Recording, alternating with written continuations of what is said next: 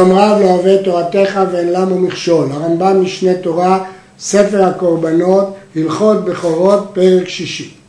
פרק זה עוסק במצוות מעשר בהמה. הרמב"ם בהקדמה באר שהוא צירף את הלכות מעשר בהמה להלכות בכורות, כיוון שתמיד הדינים שלהם שווים. מצווה להפריש אחד מעשרה מכל בהמות טהורות שיוולדו לאדם בכל שנה ושנה. ואין מצווה זו נוהגת אלא בבקר וצאן בלבד, שנאמר בכל מאסר בקר וצאן. שים לב, שנה שנה, רק אם נולדו לו ורק בבקר ובצאן. מאסר בהמה נוהג בחולין, אבל לא במוקדשים. לא קודשים קלים שהם המון בעלים, ולא קודשי קודשים שהם ממון גבוה. ונוהג בארץ ומחוץ לארץ, בפני הבית ושלא בפני הבית. אז לכאורה לפי זה היה צריך להיות גם בזמן הזה. אבל חכמים אסרו לאסר בהמה בזמן הזה, ותקנו שאין מעשין להם לפני הבית גזרה, שמא יאכלהו תמים, ונמצא בה על ידי איסור כרת של שחיטת קדושים בחוץ. ואם עבר ואיסר בזמן הזה, הרי זה מעשר ויאכל במות.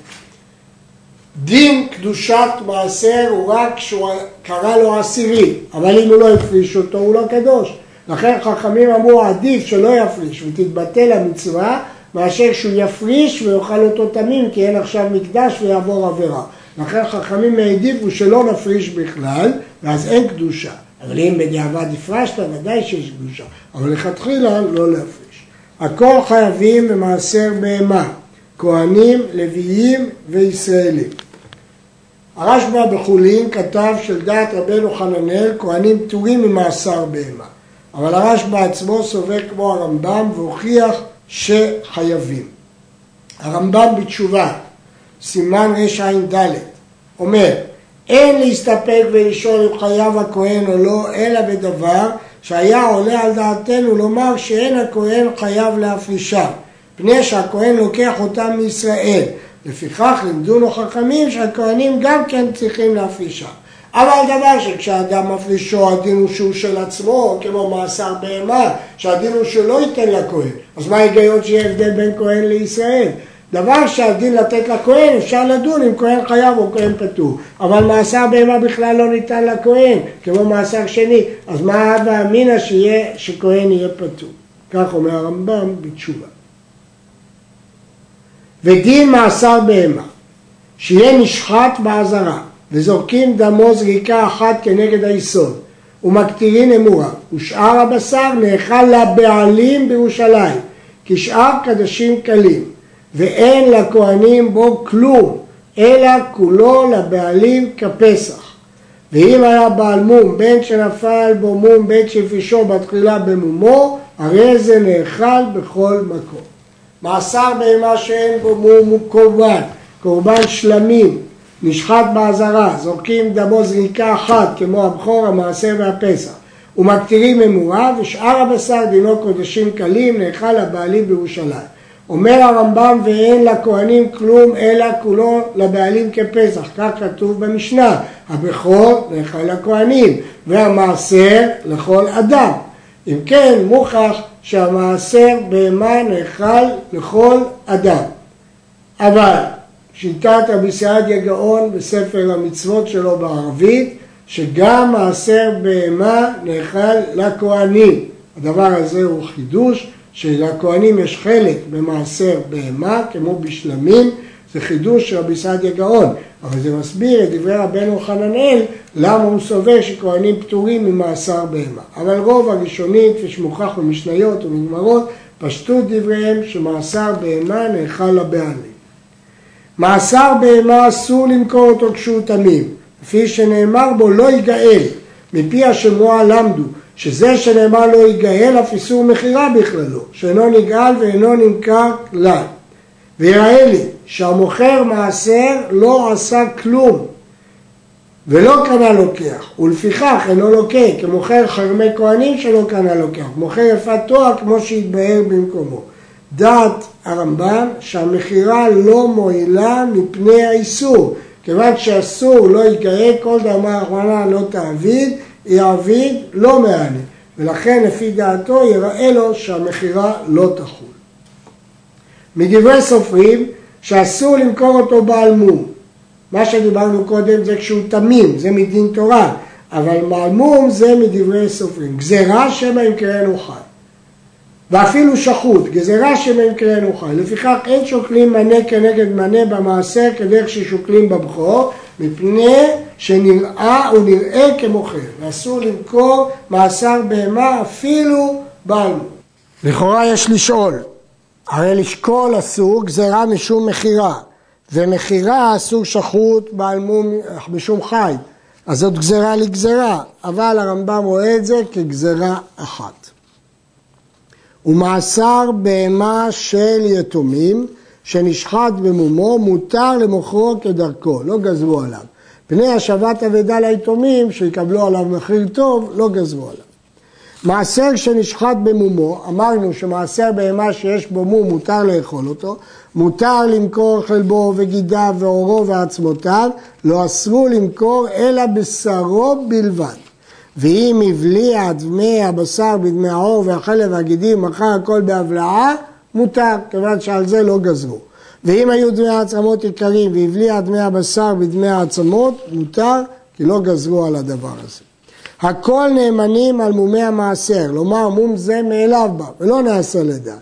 אפילו אלו שאינם נאמנים על מומי הבכור, נאמנים על המעשר. אמרנו שישנם רועים, רואי כהנים לא נאמנים על מומי הבכור, אבל מומי מעשר נאמנים. ורואה אדם מומי מעשר שלו ומתירו אם היה מומחה.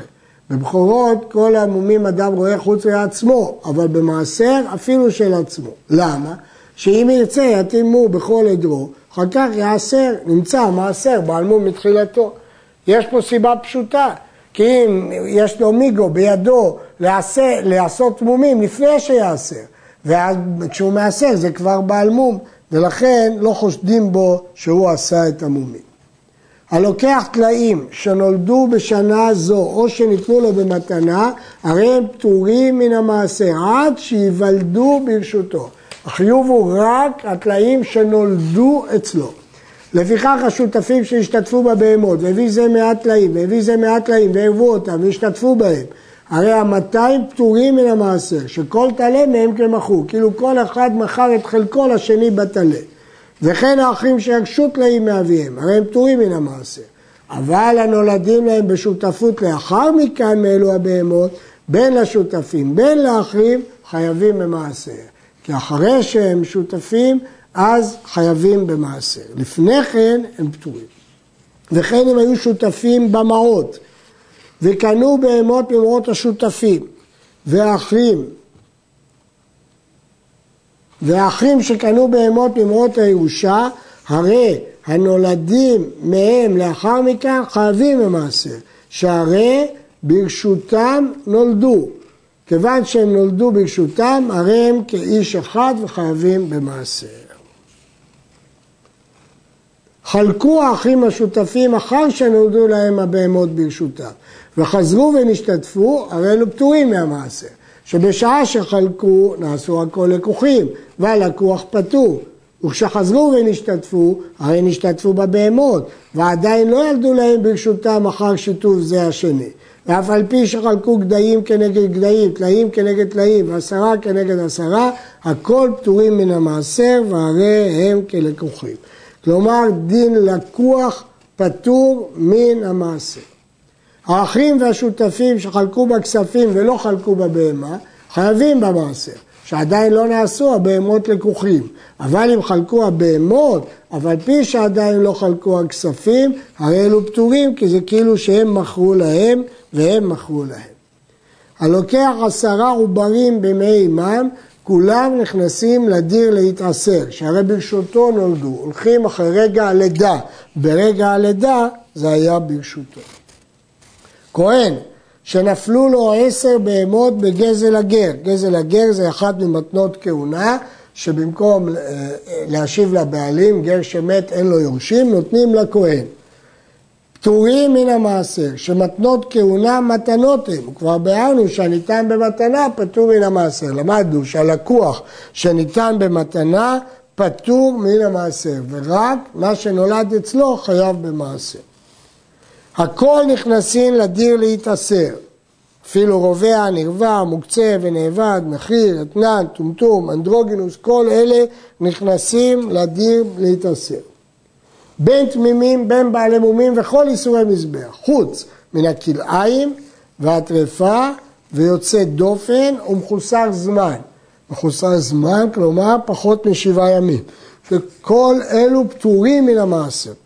וכן היתום שמתה עמו או נשחטה עם לידתו, אינו מתעשר, ודברים אלו מפי השמועה הם. אין להם פסוק, אלא מפי השמועה. אין הלקוח פטור, אלא אם כן נלקח אחר שנראה להתעשר. שהיה ראוי וקנית, אז כבר אתה פטור. אבל אם כשקנית הוא עוד לא היה ראוי למעשר, אז אני מתחייב אצלך במעשר. לפיכך, הלוקח טלאים בתוך שבעת ימי לידה. אז אצל הבעלים הראשון זה עוד לא היה ראוי, כי זה מחוסר זמן. כשיגיע זמנם חייב להסרת, שכיוון שאין מחוסר זמן ראוי להתעשר, הרי זה כמי שלקח עוברים ונולדו ברשותו ולכן חייב. כל בהמה שהיא ספק אם בת מעשר או אינה בת מעשר, הרי זו פטורה מן המעשר. לפיכך טלאים שהתערב בהם יתום או לקח וכיוצא בהם, הם כולם פטורים שכל אחד מהם ספק. יש דין עשירי ודאי ולא עשירי ספק. יש דין שזה לא כמו בבכור שיש דין ספק בכור. ספק מעשר פטור מן המעשר. עד כאן.